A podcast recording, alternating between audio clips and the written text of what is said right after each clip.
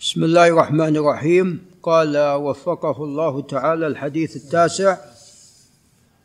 أظلكم شهركم هذا بمحلوف رسول الله صلى الله عليه وسلم.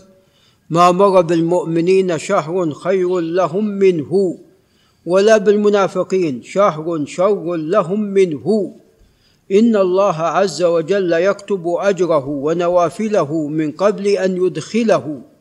ويكتب إصره وشقاءه من قبل أن يدخله وذلك أن المؤمن يعد فيه القوة للعبادة من النفقة ويعد المنافق اتباع ويعد المنافق اتباع غفلة الناس واتباع عوراتهم فهو غنم للمؤمن يغتنمه الفاجر.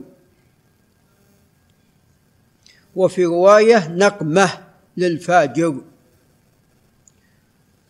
أخرجه أحمد وابن أبي شيبة وابن خزيمة وأبو بكر الشافعي في الغيلانيات والبيهقي في الكبرى والشعب وفضائل الأوقات والعقيلي في الضعفاء جميعهم من طريق كثير بن زيد. عن عمرو بن تميم عن أبيه أنه سمع أبا هريرة. قلت وهذا إسناد ضعيف جدا بل هو باطل لأمور. اولا عمرو بن تميم مجهول الحال. وقال وقد قال البخاري عن حديثه هذا في حديثه نظر.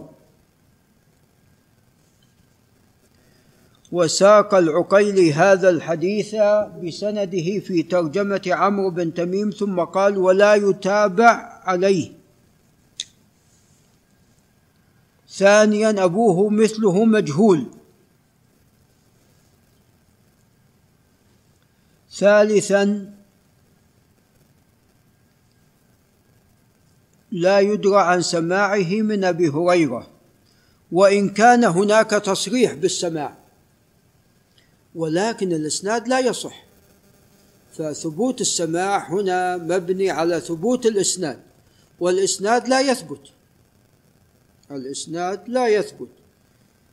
فالسماع قد أيضا لا يثبت.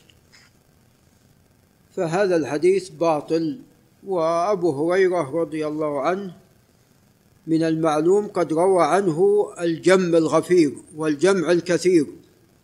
حتى قال البخاري روى عنه ثمانمائة ما بين صحابي وتابعي.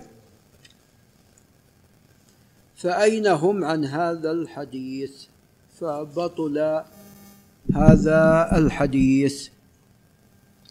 ونقف عند هنا. هذا وبالله تعالى التوفيق.